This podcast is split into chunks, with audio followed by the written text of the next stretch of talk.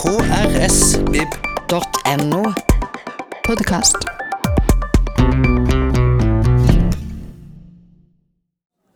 Hei dere og velkommen til Fredagslunsj. Godt å se dere alle sammen. I dag får vi besøke altså Norges mestselgende biograf. Han har skrevet om Tor Jonsson, om Nobels litteraturprisvinneren og nazisten eh, Knut Hamsun. Han har skrevet om eh, Joralf Gjerstad, som vi kjenner som Snåsamannen. Dronning Sonja har fått æren av fått blitt portrettert. Og Ingrid Espelid Håvig. I tillegg har han gitt ut to romaner. Eh, nå kommer altså storverket 'Under krigen', som kommer i flere bind. Første har kommet nå nylig for et par uker siden. 'Vi må ikke falle'. Vi skal tilbake til 1940, og vi tar godt imot Inga Sletten Kolhund. Hei.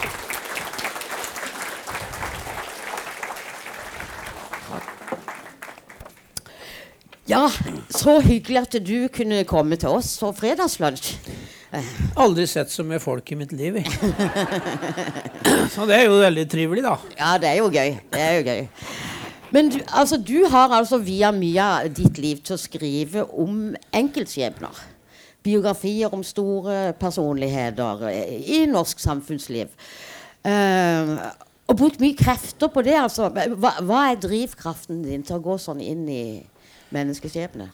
Nei, ja, generelt tenker du på? Ja, men det du har jobba Ja, med? nei, men altså eh, Hvorfor jeg skriver eh, Jeg har skrevet altså, biografiene, og det har jeg gjort fordi at eh, siden jeg var liten guttunge, så var jeg veldig opptatt av eh, hvorfor livet til folk blei som de blei. Jeg vokste opp i ei lita bygd oppe i Gudbrandsdalen. 500-600 mennesker. Alle kjente hverandre. Og, og øh, grunnen til at jeg også nå bruker ti år av mitt liv eh, i en alder da kameratene mine pensjoneres i, eh, det er jo Det har veldig dyp sammenheng med der de kom fra. Fordi at eh, eh, Det var ei typisk norsk bygd. Der var det nazister. Det var et par motstandsfolk, og så var det masse folk som eh, prøvde å, å overleve til beste evne etter krigen. Og jeg er født i 51. Og jeg vokste opp i et hus som sto midt i skuddlinja under et av de verste slaga i Sør-Norge, i denne bygda Kvam i Gudbrandsdalen. Og eh, da jeg vokste opp, så kunne jeg se eh, skader i tømmerveggen innvendig. For det tok de ikke og panelte, de ville ha det som minner. Og vi hadde et svært slik veggur, nei, gulvur. Gammelt bondegulvur. Og i det så kunne jeg stikke hånda mi gjennom granathull. Så at det huset sto, det var jo et mirakel. Så i, i, og, og i kjelleren så, så, så var det lasarett i ene delen. Tyskerne hadde lasarett, og i andre delen så var det likhus. Så de var en liten øh, ømfintlig guttunge. Så slet de jo med å få sove mange ganger, fordi at de syntes at disse her tyske og britiske daue soldatene tusla rundt meg. Og, og ja, det var veldig dramatisk. Jeg ler av det sjøl nå i dag. Men, men øh, så, så jeg vokste bokstavelig opp med eh, historier og minner om krigen. Og det var jo bare seks år eh, etterpå. Og noe annet som, eh, som eh, slo meg veldig, eh, det var det at som sagt, i denne bygda kjente jo alle hverandre.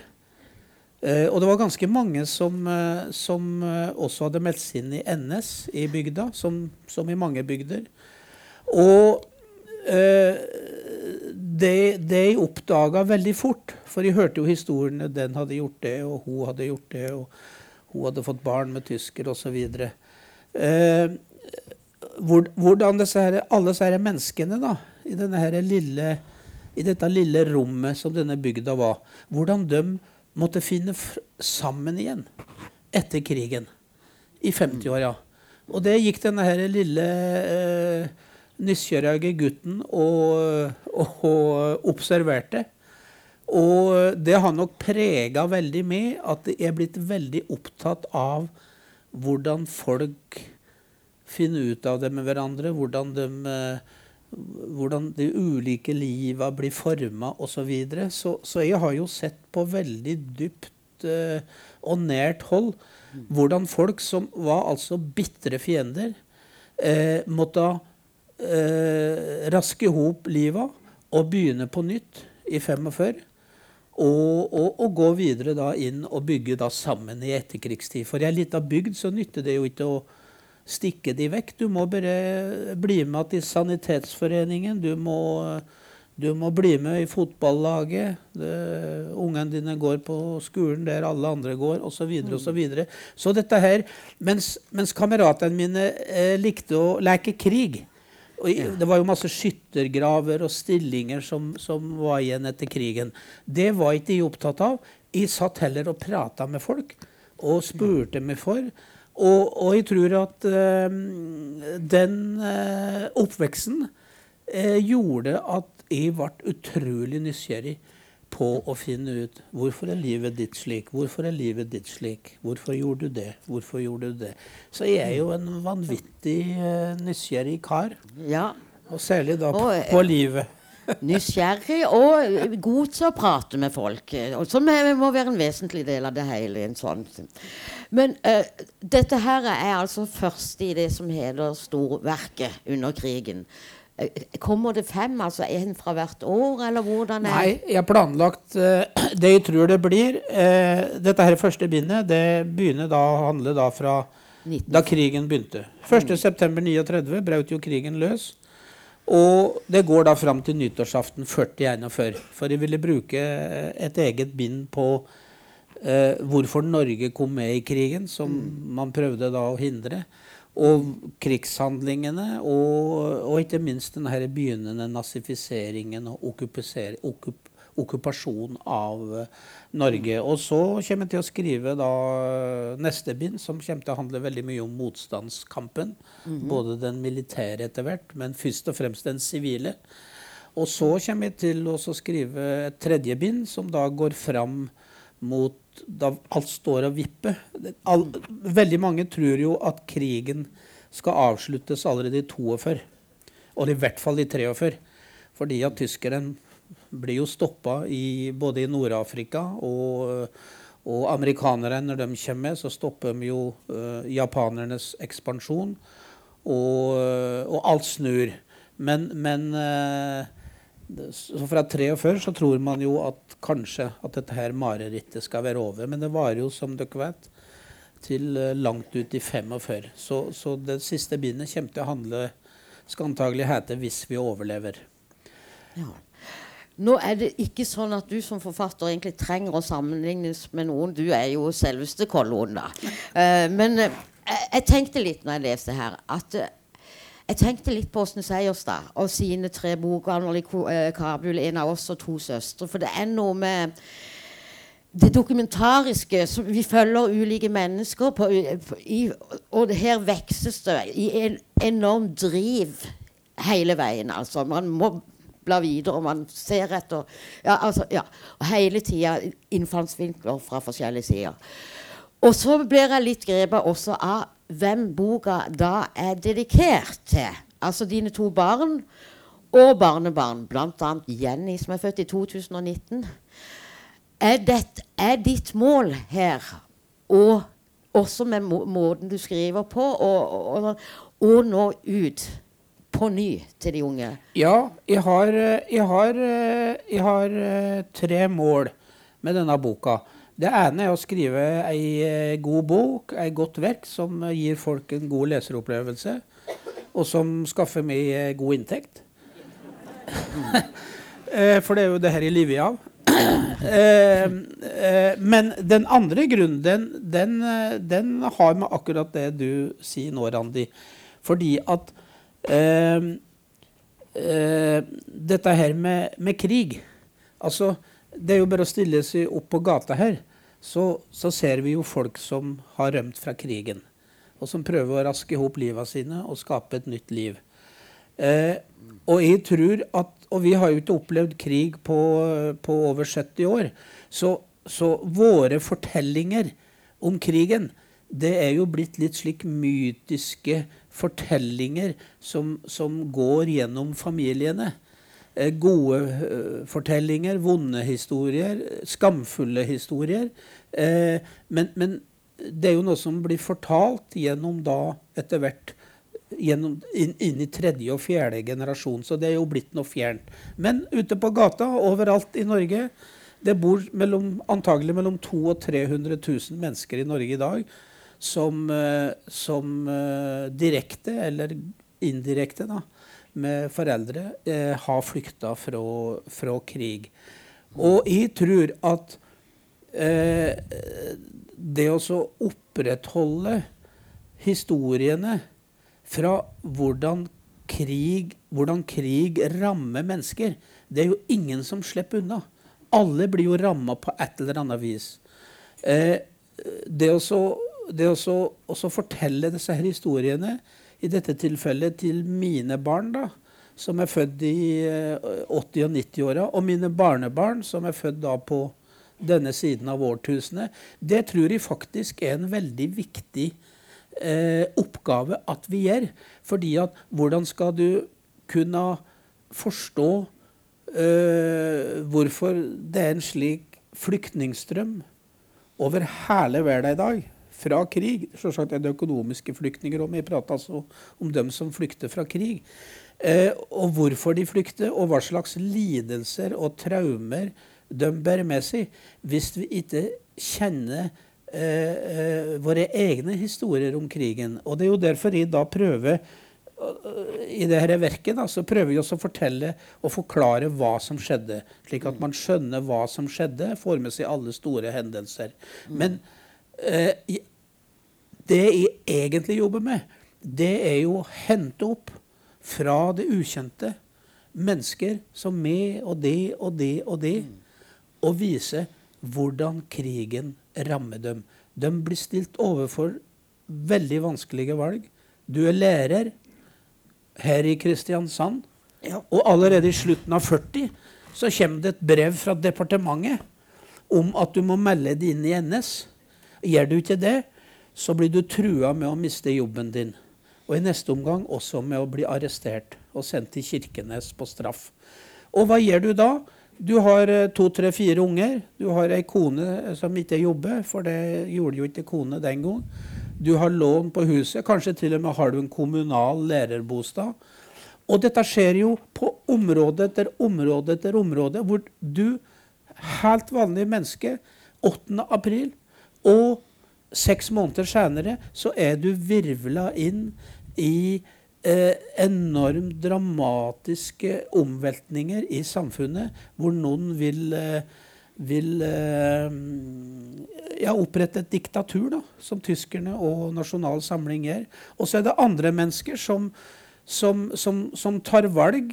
Eh, eh, det kan være rasjonelle valg som gjør at de melder seg inn i NS. Eh, går i tyskernes ærend. Mm. Og så er det alle som, som, prøver å balansere og helle seg unna. Det er fryktelig vanskelig. Så det er jo ikke bare krigshandlingene i april 1940. Det er jo bare et forspill. Det, det virkelig vanskelige eh, tingene begynner jo å skje når tyskerne og NS begynner å stramme grepet. Og da henter de ut personer fra uh, rundt omkring i Norge. Jeg skriver fra absolutt hele Norge.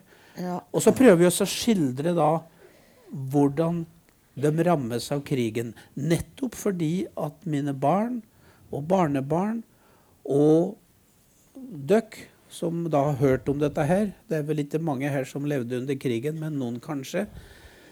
Det er noen. Det er kanskje noen. Ja, det er utrolig hvor folk, folk eh, ser mye yngre ut i dag enn de er. Særlig kvinnfolk. Ja, så fikk du inn det. Ja. Så, så, eh, men, men, bare for å avslutte akkurat det her, for dette her er liksom hele grunnlaget i det jeg jobber med nå. Mm. Og så uh, lærte jeg da etter tidsvitner. Mm. Folk som har opplevd krigen, alle mulige holdninger og gjerninger de drev med, på alle sider av tingene. Som har skrevet det ned, enten i bøker eller i artikler eller blitt intervjua. Og så plassere eller hente disse menneskene ut og sette dem inn i de der store hendelsene. Så, så det jeg egentlig driver med, det er det at jeg skriver eh, det norske folks historie under krigen. Veldig ambisiøst, veldig mm. vanskelig. Men uh, det er det jeg nå bruker uh, antagelig resten av livet mitt på. Ja, og, og, det du gjør når du henter ut disse her vitnemålsforklaringene, så setter du de opp mot to generasjoners uh, historikere, altså, for å få Ja, det er viktig. Ja, for, og, og, du er jo du er grundig. når du er, så, og hvis man ser på lista her bak, altså det er jo enormt med kildemateriale og, og sånn. Ja, men det, det, er viktig, vet du, fordi at Husk på at uh, disse her tidsvitneskildrene de begynte allerede å komme i 45. Og så har de kommet nå helt fram til uh, dem som levde under krigen, uh, har falt bort. og det er klart at når du satt i 1950-åra og skulle fortelle om hva du var med på, enten du var NS eller du var motstandsmann eller -kvinne, eller var politiker eller hva du drev med, Eh, så hadde du veldig mange hensyn å ta. Du kunne ikke skrive nødvendigvis eh, alt. Eh, eller du måtte forstørre noe og fjerne andre ting, for det det var, en helt annen kontekst som dette her måtte lages i. Og derfor så eh, prøver jeg da å hente fram eh, hva krigshistorikere, biografer, eh, forfattere ha uh, henta fram fra krigen, og så legger jeg det oppå for å sjekke da kunnskapen, slik at de, de uh, personene i skildret Jeg har med over 400 personer i denne boka. Uh, de personenes Det jeg bringer fram om de personene, det må i da Det er jobben min da å prøve å sørge for at eh, det er sant. Derfor så må jeg hele tida holde det de forteller, opp mot nyere forskning og, og mm. historiefortelling. Og en sånn vitnemålsfortelling, altså vår helt, din helt, Gudrun Mart, Mart, Martius, er det sånn du sier? Helt riktig. Ja. Um, altså Som fremstår som en um, feministisk foregangskvinne. Altså, hun har jo faktisk uh, også skrevet bok. Vel. Ja. Altså, uh, um, skulle, De unnværlige flinke. Ja, mm. Fra 1975. Men jeg vet ikke om det er veldig mange som har hørt om det her. Det er helt nytt for meg. Så du, du får liksom henta henne fram i lyset. Fortell om henne. Ja, nei, Det er et veldig godt eksempel på hvordan jeg jobber. Jeg har jo jobba sammen med et team i fire år. Eh, fordi at eh, krigslitteraturen er jo enorm, sjøl om man bare konsentrerer seg om Norge. Så vi har vært igjennom enorme mengder lokallitteratur, eh, bøker, aviser osv. osv. Og og Gudrun Martius, som du nevner, er et veldig typisk eksempel. I begynner boka med henne. Hun utga da ei lita bok i 1975. Eh, eh, hun var altså den første norske kvinnen som kom inn på diplomatkurset. Utenrikstjenester må jo utdanne diplomater. Eh, karer gjorde det. Kvinnfolk kom ikke inn. I 1938 så krangla hun seg inn, sleit seg inn på det kurset som den første norske kvinne, også pga. en lovendring som regjeringen gjorde, at kvinner kunne gå inn i embetsstillinger. Eh, og, eh, og, så begynner da boka. I, i, kan, er det tid til at de leser ja, litt? Veldig grann? fin start. Der. Ja, jeg kan lese litt, grann, for det, det gir liksom litt uh, litt Og krigen begynte da 1.9.39. Eh, og regjeringa og alle prøvde jo å helle Norge utafor krigen.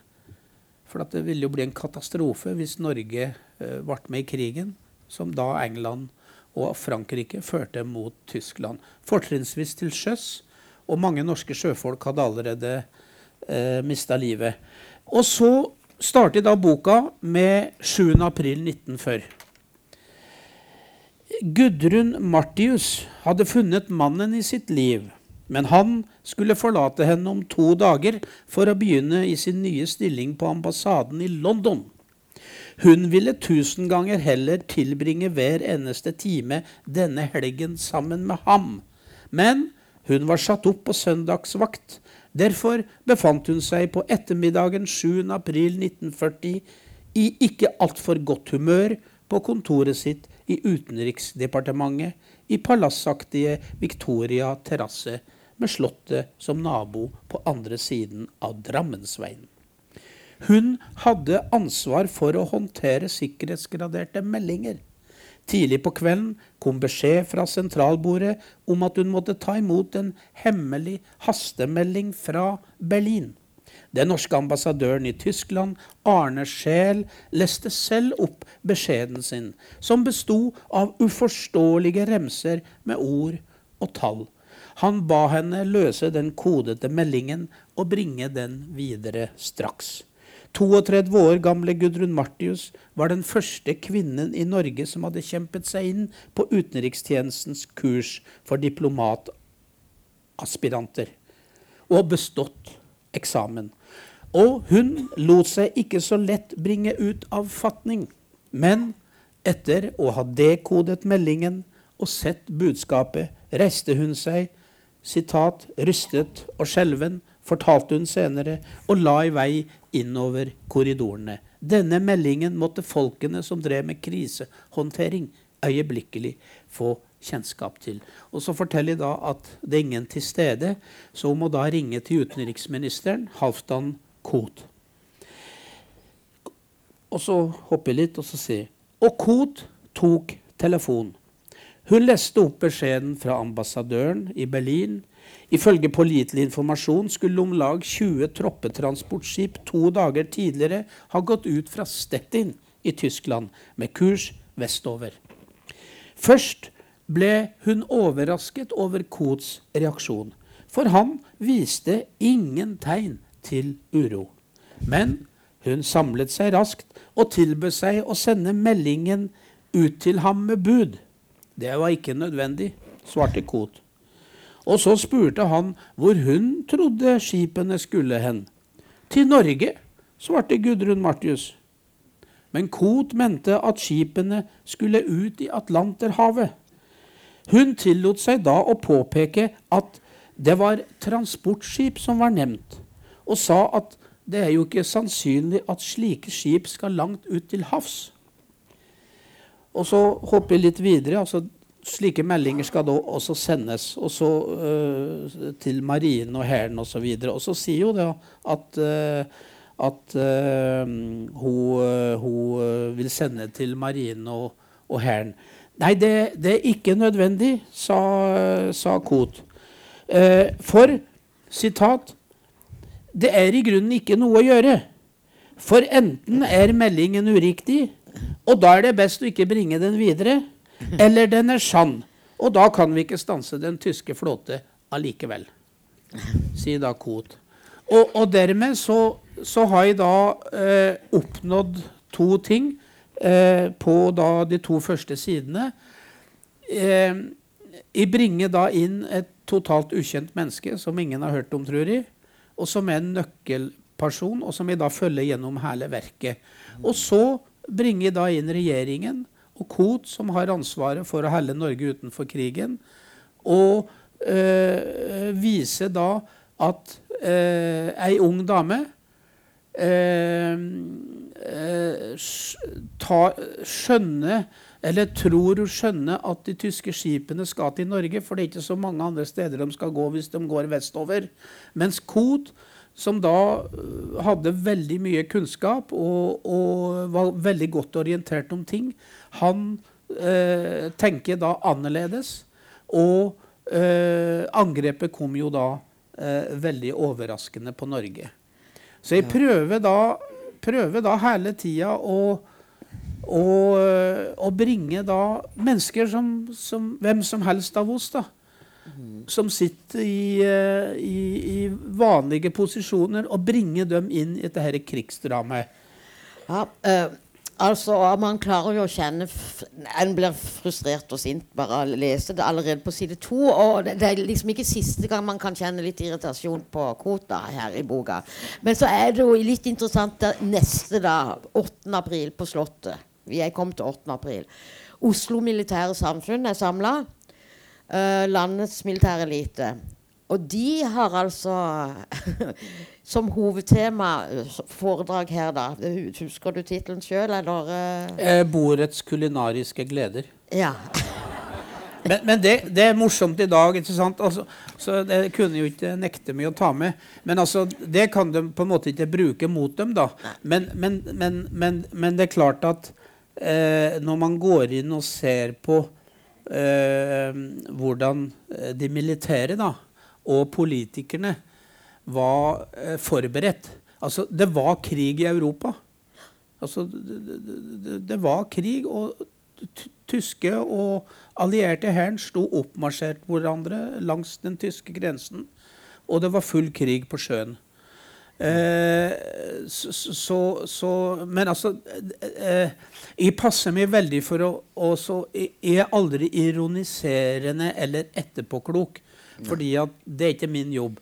Min jobb det er å hente fram alle disse menneskene, plassere dem inn i situasjonen, og så fortelle hva de sier, og hva de gjør.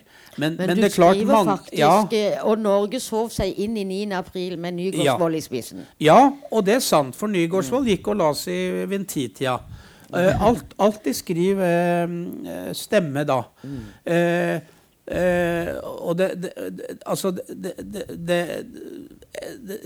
det, er jo Det var jo veldig uh, Altså, vurderingen etter krigen altså Det var en militærkommisjon og en politisk kommisjon som skulle vurdere hva som skjedde. Så, så er det jo veldig slik sterke anklager at man, eh, at man ikke klarte å lese bildet tydeligere. det er én ting. men eh, vi, var ikke, vi, var ikke, militært og politisk eh, eh, på en måte mentalt uh, utrusta. for, for, å, så bli, uh, møte det angrepet. Nei, For Nygaardsvold vil jo ruste ned.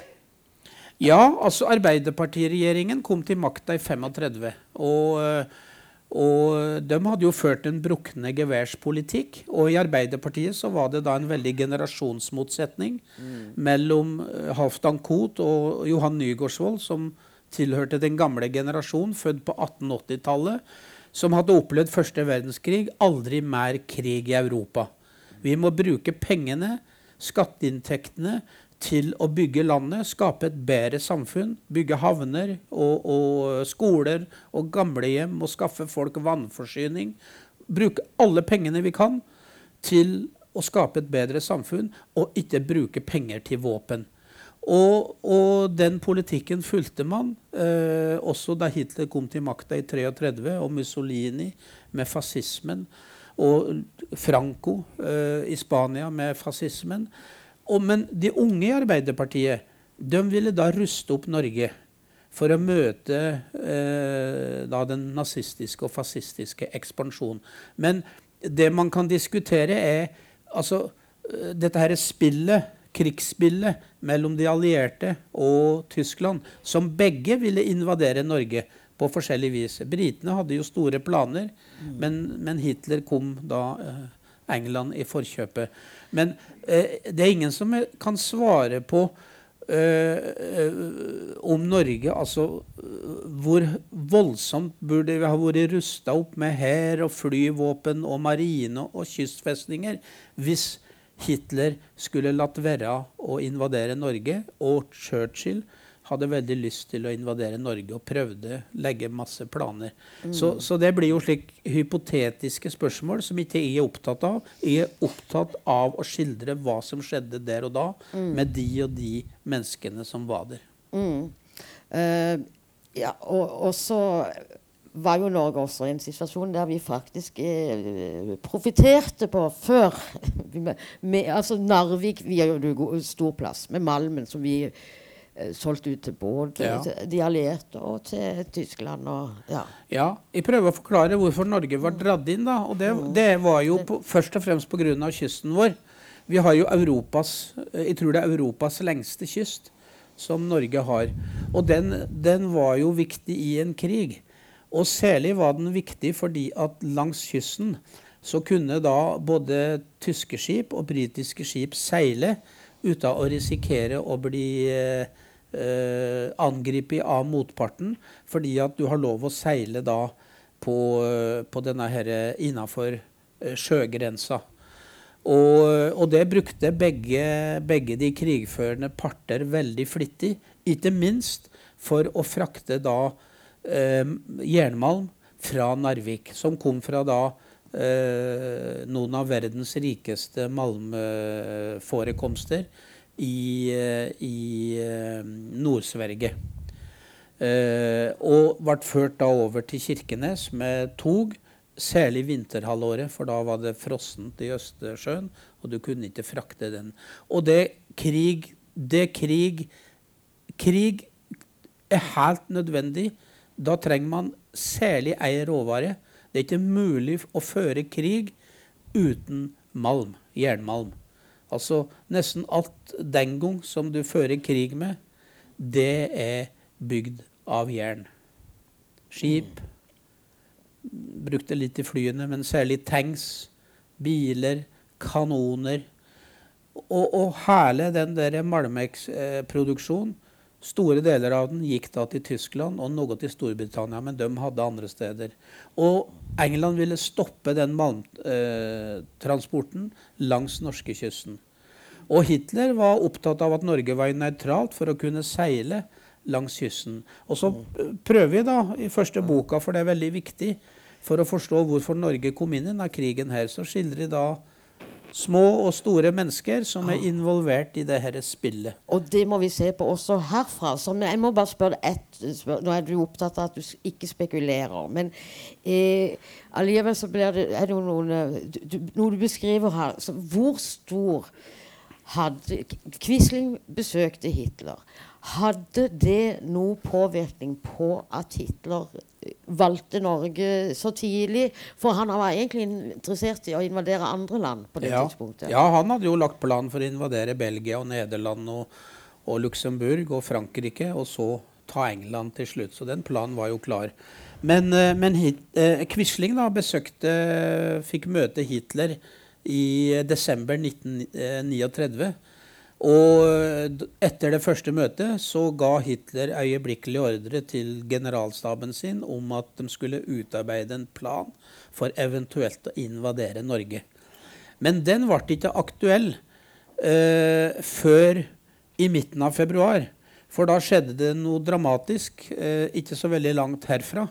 For da, da Det er mange av dere som sikkert kjenner Altmark-affæren, hvor et tysk skip fullt av britiske fanger eh, ble oppdaga. Eh, og så eh, gikk da engelske skip inn og tvang det Altmark inn i eh, Jøssingfjorden. Og befridde da eh, de britiske fangene, og eh, en del tyskere ble drept. Og da bestemte Hitler seg vi må invadere Norge fordi at Norge er ikke i stand til å håndheve nøytraliteten når britene kan opptre slik i Norge. Så det ble det avgjørende.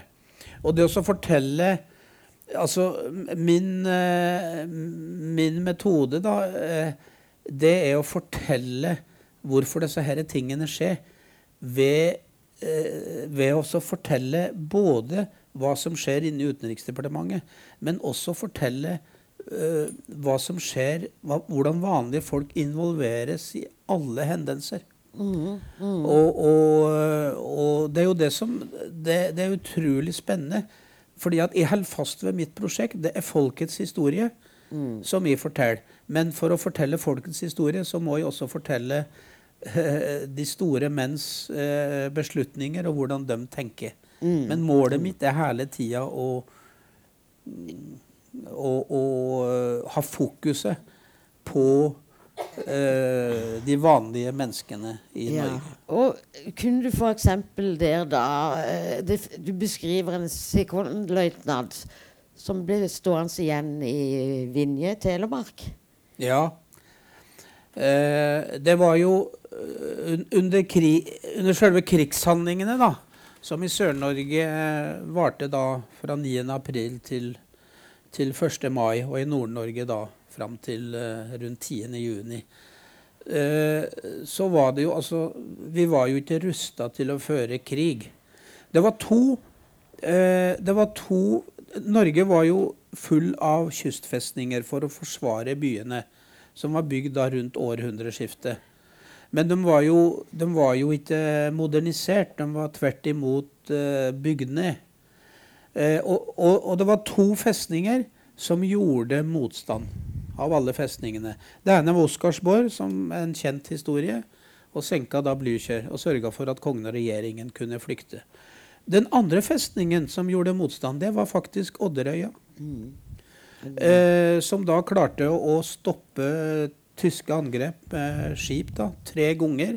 Og til tross for at eh, tyske fly stupte nedover Odderøya og bombarderte og skjøt med mitraljøser.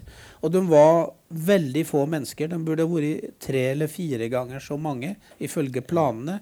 Men, men, det var på en måte typisk for det norske forsvaret. Og, og så, så jeg, jeg, bruker Jeg skildrer faktisk Jeg har faktisk en del ting fra, fra Kristiansand eh, ja. mange steder i boka. Ja, eh, fordi, at, eh, fordi at Jeg skriver jo fra hele Norge, og, og, og i Ja, du skulle si noe? Nei, bare si ja. den. Og, og eh, det er jo veldig typisk, da. Jeg, hvis de får lov å lese ørlite grann fra Kristiansand ja. Jeg har forberedt hvor, meg på det. Ja, Hvor er ja. vi? Ja. Da skal jeg slå opp på side 109, tror jeg. Eh, for, å, for, å vise, for å vise denne metoden min, da. 109-111 står det, men det stemmer ikke.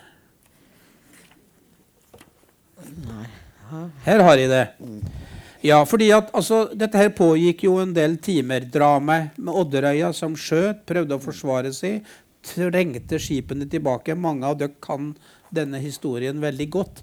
Eh, så skildrer da hva som skjer på festningen. Men eh, det, var jo, det var jo en forferdelig beskytning også av sentrum i Kristiansand. Og det jeg da lette etter, Eh, i alle disse krigsberetningene finnes det et menneske som i dag kan hente opp av dette dramaet, og, som, og som, eh, som, er interessant å fortelle. Og det fant de, vet du. Uh, uh, og jeg forteller da om folk som blir drept, og folk som evakuerer osv. Og, og så fant de, en, som jeg syns er en fantastisk historie eh, mens de da driver og bombarderer eh, Kristiansand. 14 år gamle Karsten Johansen hadde verken vett på eller tid til å være redd. Han så en mulighet til å tjene penger. Han var vant til å jobbe ekstra med grønnsakssalg på torget og som avisbud. Tidlig om morgenen hadde han sprunget ned til lokalavisa Kristiansands Tidende i Bryggebakken og fått med seg en bunke aviser sitat, forteller han da senere, selv om det haglet bomber og granater, var det mye folk ute i gatene. Alle ville kjøpe avis, som kostet 15 øre. Jeg sa til alle at jeg ikke hadde vekslepenger. Folk betalte 20, 25, ja opptil 50 øre for avisen. Det var helt gale. Og, krem, og så skriver vi da kremmeremne Karsten Johansen klarte seg utmerket gjennom krigens første timer. Hjemme igjen ved ellevetida klasket han 150 kroner på kjøkkenbordet til moren. 150 kroner, forteller han senere. Du må huske at far, den voksne mannen, tjente under halvparten på ei ukes sjåførjobb. Eh, ja, det, det, det, er slik jeg jobber da. Altså Midt i dette dramaet så prøver vi da å Er det noen vi kan hale opp her? for å vise hvordan krigen eh, i dette tilfellet gjør noe godt, da. Men, uh, det, det, står ikke noe mer Men vi snakker altså, ut ifra alder altså, det, Vi må da, da snakke om uh, den legendariske kristiansanderen uh, vår, Starttreneren vår. Det må da være han.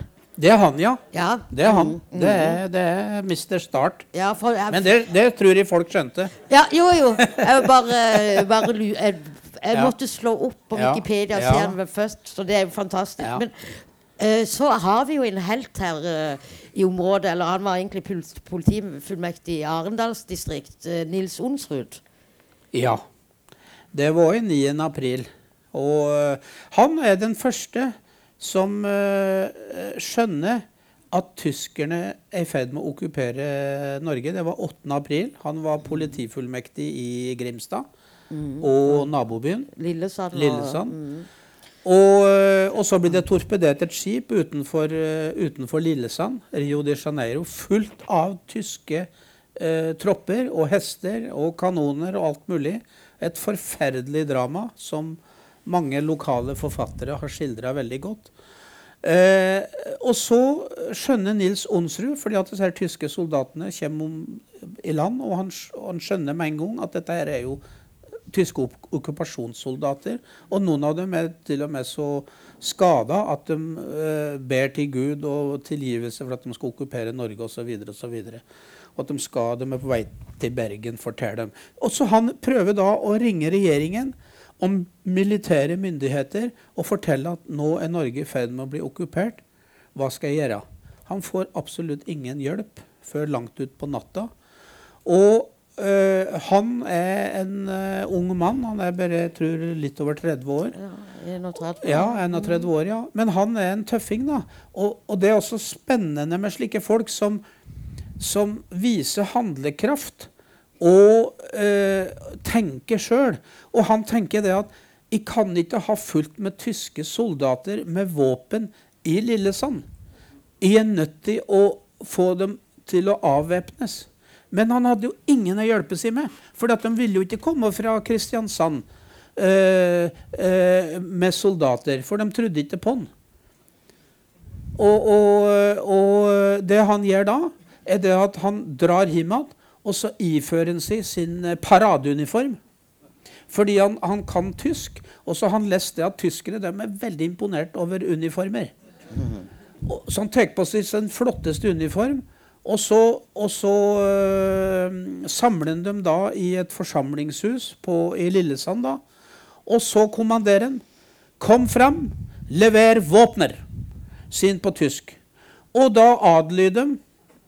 Så han, han, han er altså den første nordmann som får øh, tyske soldater til å overgi seg. Og vanvittig nok, dette skjer da 8. april.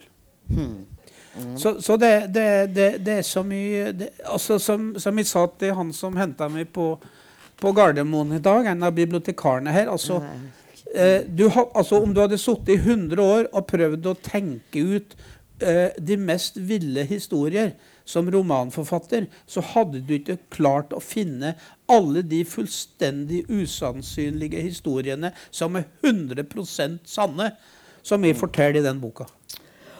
Ja, og du trekker jo frem i et par tilfeller politimester Christian Rynning Tønnesen. Ja, det, dette Han, eh, han kommer til å følge gjennom hele krigen. Du En av gjennomgangsfigurene. Mm, mm. Men blant annet så var altså Polutsalget skulle åpne dørene igjen. Mm. Og dette frykta han. Ja, ja. Han eh, visste at det var altfor tidlig.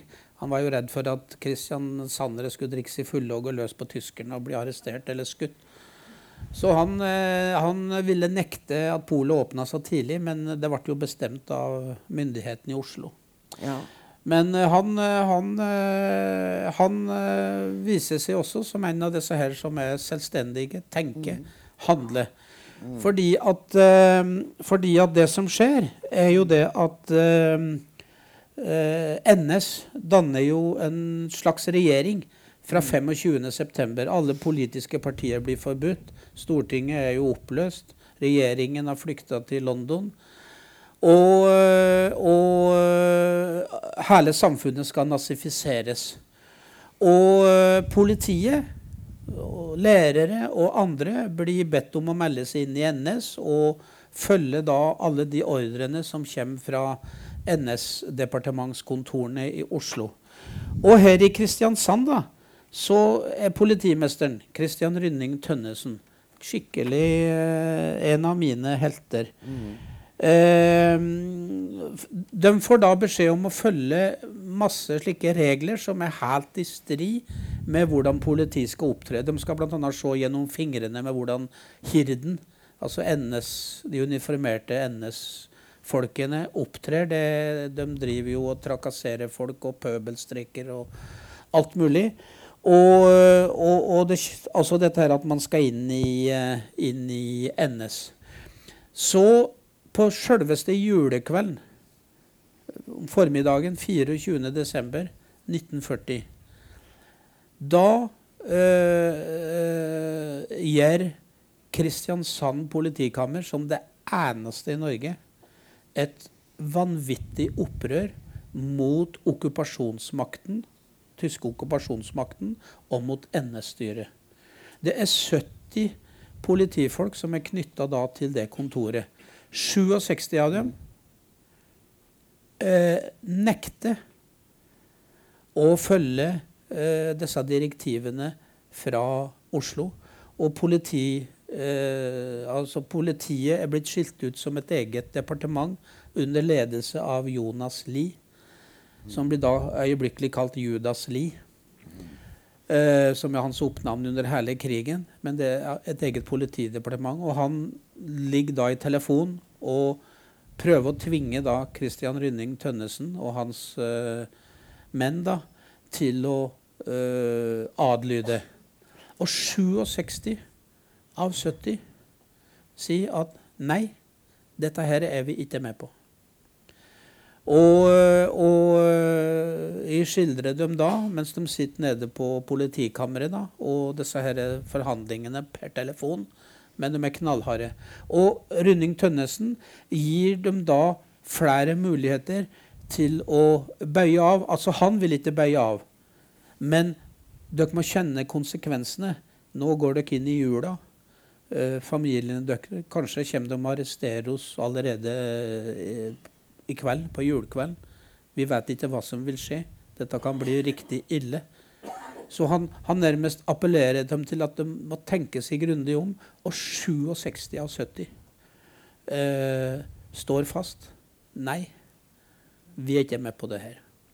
Og, og, og det er jo en av de sterkeste eh, motstandshandlingene, eh, holdningshandlingene, da, som skjer. Og det som er så utrolig imponerende, er at det skjer så tidlig.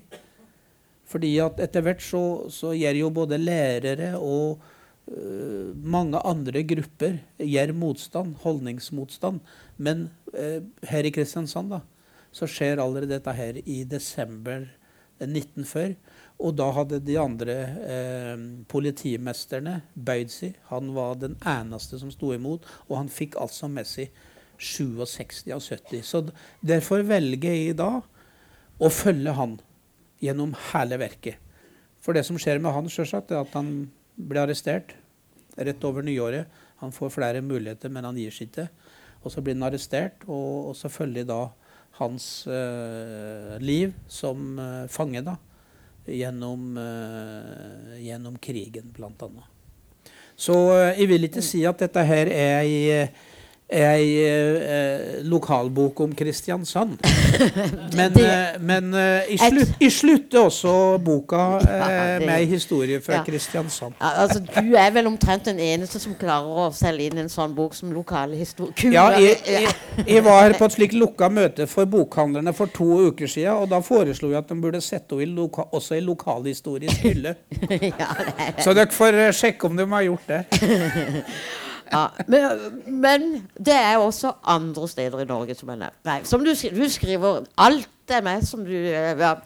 Eh, for eksempel så fins det jo altså, Du sier tidlig her da også det, sånn enkeltskjebner. F.eks. i Hønefoss, altså. Der var det eh, rundt Hønefoss. Men, men, det er jo liksom kortere historier. Men, men f.eks. familien Sødal, mm. som Ja. Kan du bare nevne, for det, ja, bare få nevne nei, altså, noe som det, eksempel. Det som, eh, det som uh, uh, Det var jo altså uh, det, Altså Krigshandlingene var jo helt forferdelige, med bombing og masse uskyldige mennesker som havna eh, inne i krigshandlingene og ble drept eh, i krigshandlingene. Men eh, som for eksempel her i Kristiansand, hvor det døde omtrent like mange sivile under bombinga som, mm. som soldater. Men det som, det som, er enda mer rystende, er jo det at eh, særlig eh, på Ringerike, fra Hønefoss og oppover, mm. og eh, eh på, på, i Ringsaker, eh, nordre del av Mjøsa, opp mot Lillehammer, så eh, henretta altså tysk, den tyske eh, Wehrmacht, hæren, henretta systematisk masse mennesker. Eh, mellom 40 eh, og 50 mennesker, alt fra barn til oldinger, kvinner, ble henretta, regelrett henretta. Og særlig da en tre-fire-fem dager omkring 20. april eh, i de områdene der. Og, eh, og det, det, er jo, det, det, er jo så rystende. Eh, så jeg har jo måttet dempe Jeg har ikke villet hente fram eh, de verste de verste historiene og skildre dem, men altså det, det, det, er noen fryktelig sterke historier. Ja, og, og altså du har har jo en f.eks. Um, en grotesk fortelling eh, fra Somedal med Anne Wahl. Mm. Uh, men ja. ja. Hun blir tvinga til å uh, se på at uh, sønnene hennes blir henretta. Og, og, Moren og en ja, også. Mm. Og, og, og, så ble hun da tvinga Og så likene blir liggende ute på gårdsplassen. Og hun blir da jagd inn i et hus og må da, sammen med tyskere, gjennom natta. Så hun var sammen med sine sønners mordere gjennom natta. Så det, det er en slik eh, det er en slik eh, bestialitet. Men dette er unntak. Jeg må også si det, da. Det, det, er unntak under krigen. Dette her er ikke noe slik systematisk, men det skjedde særlig i de områdene. Og det har vært spekulert veldig mye om de kanskje gikk på noen narkotiske stoffer. Eh, at det var spesiell, noen spesielle grupper, noen avdelinger. Mm. Eh, men eh, ja. Mm. Men altså, eh, siden ja, Du bor jo på Lillehammer, men kommer, som du sjøl sa, fra Kvam.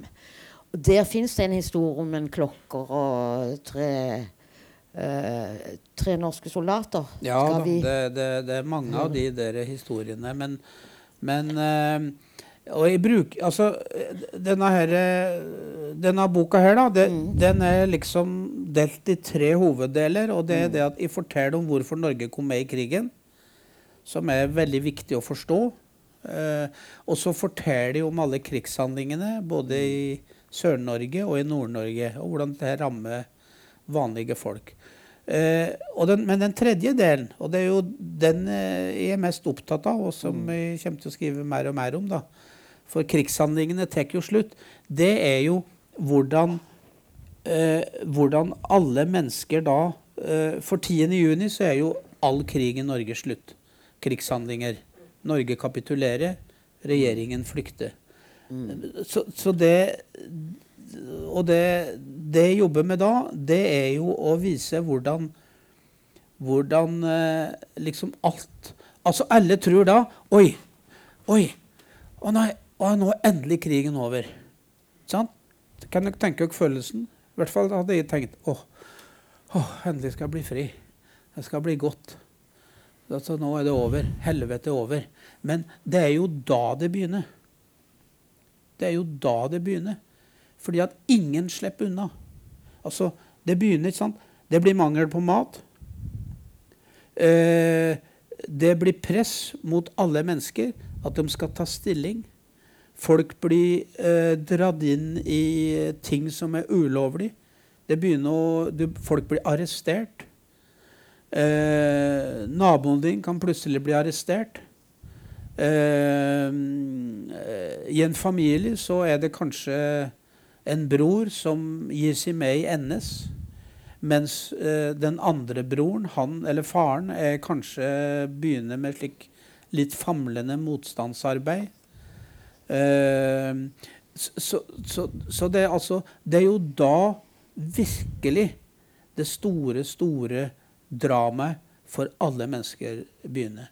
Og, og, så er Jermi da ferdig med krigshandlingene, og så Mm. begynner de da å skildre. Og det skjer også da Det er jo da også de store indre dramaene i menneskene begynner. Fordi at under selve krigshandlingen så handler det jo bare om å overleve. Komme, rømme unna, som man gjorde her i Kristiansand. Evakuere, komme unna. Og så blir det fred. Det blir slutt på, på krigshandlingene. Men det som skjer fra sommeren 1940, er det at driver du ei bedrift, ei liten eh, sagbedrift eller hva som helst, eh, eller en butikk, så, så, så må du ta stilling. Skal jeg selge til tyskerne? Eh, skal jeg følge rasjoneringsreglene som kommer? Eh, altså alle, uansett hvem du er, hva du driver med, ung eller gammel, uansett hvor du bor i Norge, så blir alle virvla inn i at Norge er okkupert. Tyskerne innfører nye lover. Rettsregler, Hele Retts-Norge blir satt ut av spill allerede eh, 20.07. Da blir den første henretta. Og det er jo ikke dødsdom i Norge. Men da rykker altså uniformerte eh, dommere, tyske dommere inn i norske rettssaler og innfører da eh, Hitler-juss. da. De norske rettsstatene opphørt. Og dette skjer på område etter område etter område. Og det er umulig å snu seg unna og si at dette her eh, handler ikke om meg, jeg lever i mitt liv slik jeg gjorde før. Det er ingen som, eh, som kan det. I liten grad eller i voldsomt stor grad så blir folk eh, eh, involvert. Og, og dere som er her fra Kristiansand eh, Jeg skal ta en tur bort på arkivet igjen nå, som er jeg, tror jeg, jeg tror kanskje det er det sterkeste eh, stedet å gå til i Norge hvis du vil oppleve eh, hvordan det var å leve under krigen. For alle her sikkert har vært der og, og, og, og vet hva som skjedde der. Og ikke bare hva som skjedde der, men altså alt dette her, altså dette her spindelnettet av, av eh, vanlige nordmenn, som oss som sitter her, som ble virvla inn enten i angiveri og eh, alt mulig eh, kollaborasjon da, med tyskerne og NS, gradvis. Og de som gjorde motstand, da. Kvinnfolk som hadde nyfødte unger, og som visste at de ville få dødsstraff. Ble, eller ble sendt til tyske fengsler. Eh, tok dem og så la eh, illegale aviser under ungen. Og la ungen oppå avisbunken og trilla av sted og distribuerte aviser. Altså Det er jo et slik, det er jo et slik eh, mot som, eh, som utvises av ja, Jeg må bare understreke det igjen og igjen vanlige folk. Og, og hvordan folk havna da i ulike grupper og leirer. Eh, det, det, er altså, det er et drama så stort. Og hele mitt poeng er at det dramaet som våre foreldre og besteforeldre og oldeforeldre opplevde, det dramaet, det skjer over rundt omkring i verden i dag. Og det vil skje i morgen. Og det vil skje om 50 år og 100 år. Fordi at krig, det blir det aldri slutt på. Og, det er, og, og det er det samme kjennetegnene ved all krig. Først er det krigshandlinger, og så innføres det diktatur. Det er ikke lov å si og mene lenger hva du vil. Du får ikke lov å stemme. Og eh, folk blir splitta. Det blir en slags borgerkrig mellom folk. Man blir tvinga inn i ulike posisjoner. Og noen rømmer, og de fleste må leve med det her og enten ta opp kampen eller prøve å overleve. Det er de samme kjennetegnene på all krig. Og vi har vår krig, og derfor er det så viktig å bli kjent med disse historiene. Og, og det, er, eh, det, som er virkelig min, eh, min eh, mitt store mål er hvis det kommer noen til meg, og så sier de Oi, jeg har lest i boka di, Ingar, og vet du, jeg ble liggende hele natta og tenke på hva hadde jeg gjort? Da har jeg klart å, å få til akkurat det jeg holder på å jobbe vettet av med for å få til. Ja, det spørsmålet ligger under hele boka. Det er nesten et slags fundament. Uh, og altså 62 dager med krig, og deretter alle dette psykologiske spillet. Og ja, her skjønner dere det er mye, mye godt stoff. Uh, og altså, du, jeg må bare si kort, du slutter med nyttårsaften her. Der Max Manus faktisk var i Kristiansand, men eh, helt slutten Plutselig hørte vi en sang fra et hus. Da er vi i Oslo. Et hus nede i bakken. Og det kom svar fra hus etter hus over hele Er det Skauterrassen? Skauterrassen. Ja, det heter det. er bare så uh, veldig sånn sagt. Det kom eh, svaret etter hus og hus etter, eh, over hele Skauterrassen. Ja, vi elsker dette landet. Det er slutten. Jeg kan ikke si annet enn at vi gleder oss til neste bok. Eller dere gleder dere nå til første bok. Jeg gleder meg nå til neste Ja. også. Men jeg må si en ting. Mm. Det var veldig fin slutt du la opp til, Randi. ja. Eh, og det var Arne Føverland som, eh, som, eh, som forteller det, da. Eh, nyttårsaften 41. Men, men hvis dere ser på boka Vi skulle hatt slike greier her. Men hvis dere ser på boka, oh, ja. så ser dere altså eh, at det er altså damer på forsida sammen med en tysk soldat. Eh, og eh, dette er et autentisk bilde som er tatt i Steinkjer. Eh, april eller mai 1940. Hvor de går over ei bro. Vi har tatt bort veldig mye av broa, men det er et helt autentisk bilde. Det eneste de designerne har gjort, er å legge farger på klærne, for det var selvsagt et svart-hvitt bilde. Og jeg var veldig opptatt Jeg fant sjøl det bildet på, på, på et slikt krigshistorisk eh, nettsted. Hvorfor ville jeg ha insisterte her skal det ikke være hakekors eller, eh, eller eh, norske flagg eller eh, våpen. Altså det skal være Jeg vil ha kvinner på omslaget, sa jeg. Forlangte det. Jo, og hvorfor vil jeg ha kvinner? Jo, fordi at jeg har jobba så utrolig mye med å hente fram kvinner. Fordi at her er det ca. 400 personer. Eh, nærmere 100 av dem i personregisteret er kvinner. Fordi at når man leser bøker om krigen, skrevet av grånende, eldrende menn som meg, så er det vanvittig mye om karer, altså. Barske karer. Og jeg ville altså skrive folkets historie. Og det er altså en kjensgjerning da, som vi karer må innrømme, at halvparten av befolkningen er kvinnfolk. Og derfor så har jeg prøvd å hente frem veldig mange kvinner i denne historien. Og det er kanskje, det er kanskje noe av det viktigste, tror jeg, den slik historiefaglig. Og kan, Eh, ja, kanskje ja. noe mens det skrives så mye bøker fra krigen, så er- skiller det den seg veldig Ja, ute, og, og, og, og jeg får jo allerede tilbakemeldinger da, fra bokhandlere og folk som har lest boka. Og, og til min store glede da, så, så får jeg stadig meldinger om at det er kvinnfolk som nå Endelig begynner kvinnfolk å kjøpe og lese ei bok om krigen. Og, og, for de har jo, hvis de har lest om krigen, så er det stort sett i romanform. Så hvis de da eh, får mange kvinner, unge kvinner og modne kvinner, til å lese om krigen, så eh, har jeg klart noe som ingen andre forfattere har gjort før. Det vil ikke Og det kan, det kan stå på min gravsten. Han gjorde mye rart, men han fikk kvinnfolk til å lese om krigen. Takk for meg.